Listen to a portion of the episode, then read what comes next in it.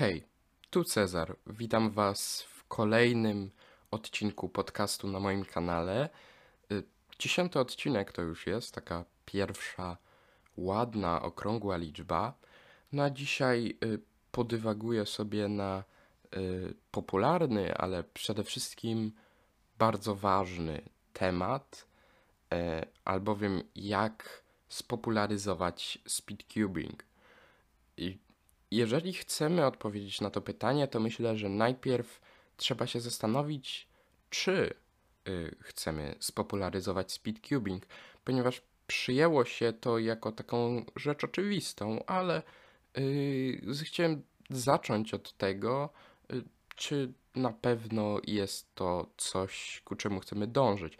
No chociażby spowoduje to taki trochę brak y, kameralności tej y, dyscypliny.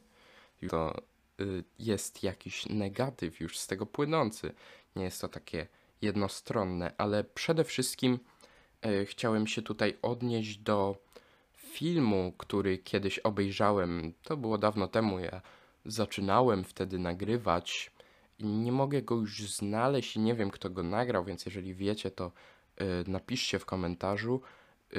I tam ta osoba się wypowiadała, dlaczego nie chce, aby speedcubing był popularny, y, argumentując to w ten sposób, że rzeczy trendujące y, są popularne przez jakiś czas, chwilę, parę miesięcy, a potem y, no, się o nich zapomina i wręcz są źle postrzegane. No, myślę, że z tym się zgodzę, że faktycznie no, rzeczy, które wychodzą z mody, jeżeli ktoś się tym interesuje, to już wychodzi na takiego gorzej postrzeganego.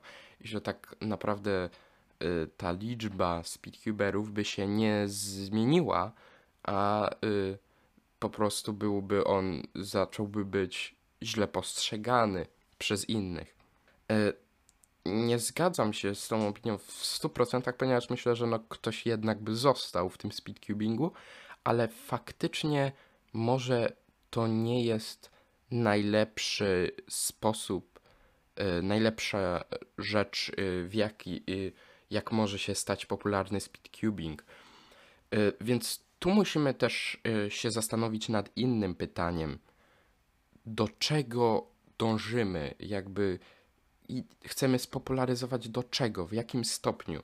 Tutaj moja opinia jest taka, żeby to jeszcze też było realistyczne, no to szukałbym czegoś w kierunku y, szachów. Y, to też jest często przywoływany przykład w tym wypadku, no bo zauważmy, że obie z nich to są gry, łamigłówki, no zabawki, tak, w coś w tym stylu, wszechobecnie znane, wszystkich, wszyscy o nim wiedzą. Tak, dla wielu ludzi jest to coś trzeba być geniuszem, żeby umieć się tym posługiwać. Y, jedyna różnica jest tak naprawdę, że szachy są du dużo, dużo, dużo dłużej y, z nami, no przez to ta społeczność miała więcej czasu, żeby się rozrosnąć. Y, I z tego samego poziomu i zauważmy, że szachy wybiły się po premierze serialu Gambit Królowej na Netflixie, y, szachy weszły w taki y, poczet dyscyplin uważanych wszechobecnie jako sporty.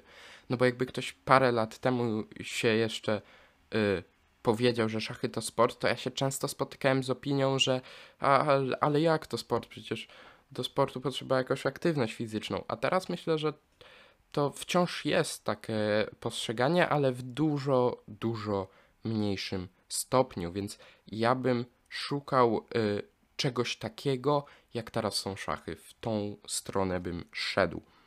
No i tu musimy poszukać, czego nam brakuje, żeby to osiągnąć. I moim zdaniem najbardziej brakuje nam widowni.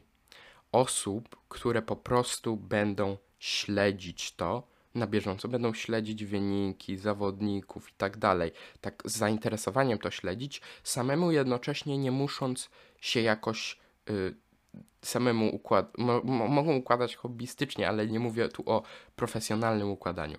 A aktualnie wiem, że jest pandemia, ale wydaje mi się, że przed pandemią to też nie wyglądało jakoś bardzo inaczej. Y, na zawody jeżdżą y, de facto tylko zawodnicy albo ewentualnie rodzice, znajomi zawodników. Nie ma takich osób, które by przyjeżdżały na zawody tylko po to, żeby to pooglądać. Więc moim zdaniem najbardziej brakuje nam takiej po prostu stricte osób, które by śledziły ten speedcubing. I musimy się teraz zastanowić, dlaczego nie ma tej widowni, co musi się stać, y, żeby ona się pojawiła. No i tu przede wszystkim według mnie trzy rzeczy.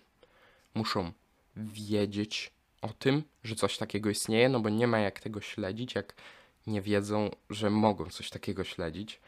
Muszą mieć możliwość, żeby to śledzić, móc to jakoś oglądać w jakiś sposób, no i chcieć. No bo ktoś może wiedzieć, mieć możliwość, jak z większością sportów aktualnie, ale nie chcieć, no bo tak każdy z nas chyba ma coś takiego. No nie wszystkie sporty chcemy śledzić. Nie interesują nas aż tak bardzo.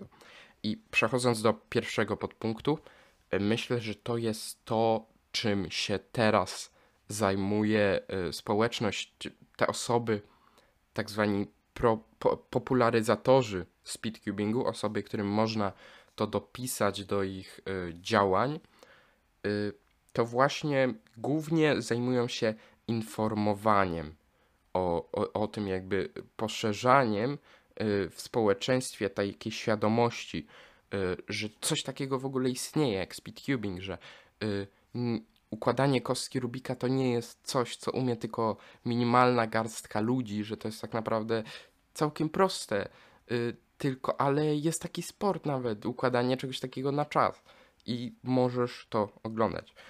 To bardzo dobrze myślę i więc to jest to, czym się aktualnie zajmujemy. Y, no ale ja tutaj sobie tak tylko filozofuję, więc pójdę już o krok dalej, y, bo żeby jeszcze pojawiła się taka widownia, to musi mieć możliwość śledzenia czegoś takiego. Żeby sport był oglądany, to potrzebuje y, być emocjonujący, tak? Albo wyczynowy, albo taki z, z adrenaliną, jakby wiecie o co mi chodzi, rywalizacją.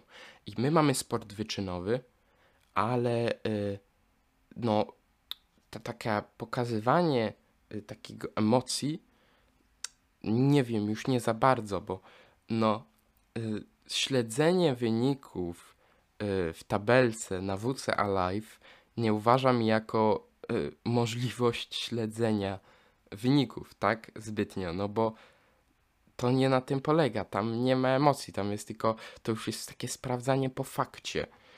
No i tutaj musimy się zastanowić, co takie jest interesujące, emocjonujące, co przyciąga widza. No i tu wiele osób wymienia Mistrzostwa Świata y, Red Bulla. I tak, jest to bardzo dobry format, ale myślę, że nie trzeba rezygnować z formatu WCA, żeby to było wciąż interesujące i emocjonujące.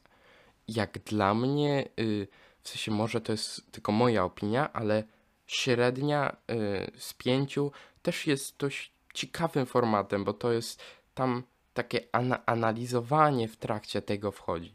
Y, więc moim zdaniem nie trzeba przechodzić w format head to head, żeby y, uczynić to interesującym, ale to musi być y, fajnie podane. Mówię tu o czymś takim, jak mamy na PPO, jak y, mamy finał y, jakiś mistrzostw do Polski, świata, y, że układają na zmianę, jest to transmitowane na żywo z komentarzem i to jest coś, jak to, to tak to powinno wyglądać moim zdaniem. Y, moim zdaniem ogólnie zawody powinny być w ten sposób, że mamy pierwsze rundy są jako takie y, eliminacje, jak są często w różnych dyscyplinach. Są eliminacje. I y, nikt nie musi tego tak naprawdę oglądać, można śledzić wyniki, ale to są eliminacje, a wszystkie finały y, obserwujemy w takim właśnie formacie y, nazmiennego y, układania y, według średnich z komentarzem prowadzone na żywo. I to jest według mnie ciekawy format. Oczywiście zorganizowanie tego na wszystkich zawodach aktualnie jest niemożliwe. Przede wszystkim nie ma tylu osób, społeczność jeszcze nie jest aż tak duża.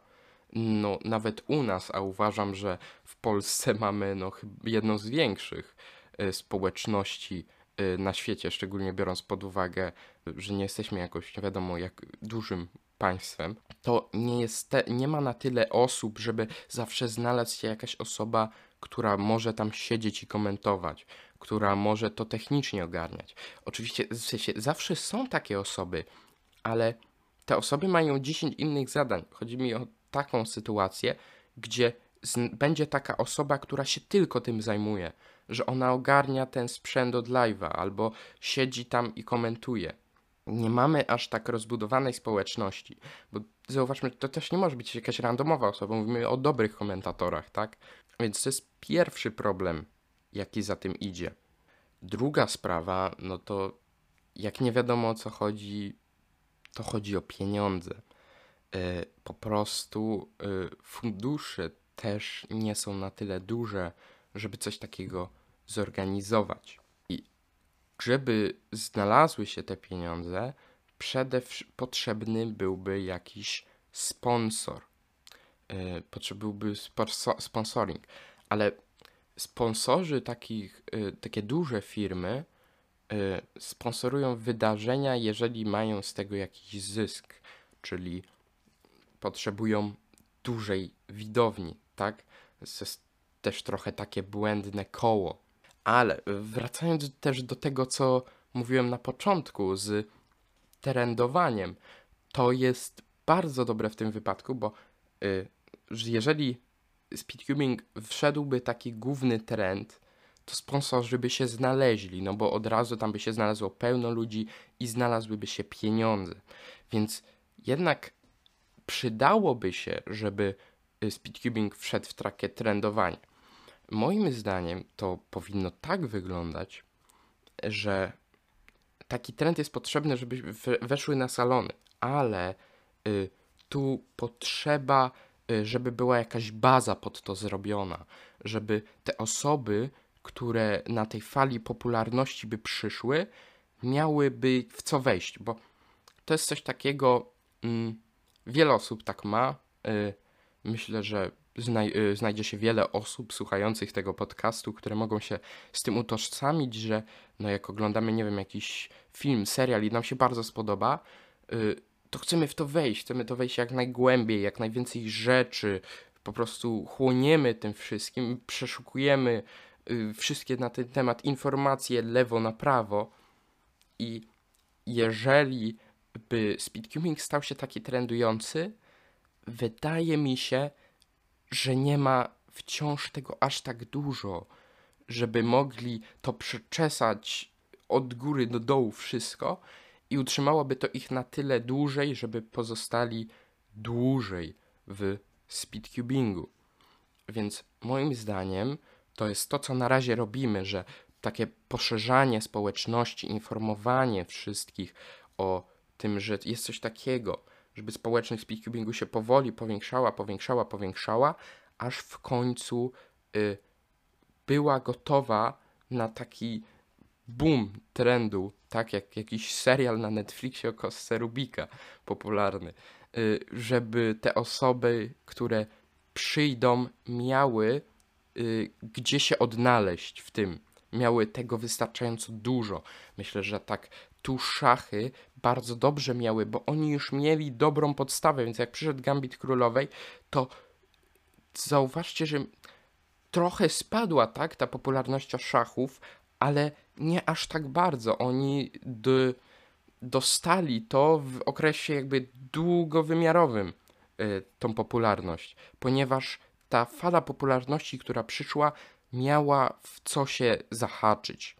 Tak to według mnie jest najlepiej. Taki trending jest nam potrzebny, żeby znaleźć sponsorów, ale to już wtedy, gdy społeczność będzie wystarczająco duża.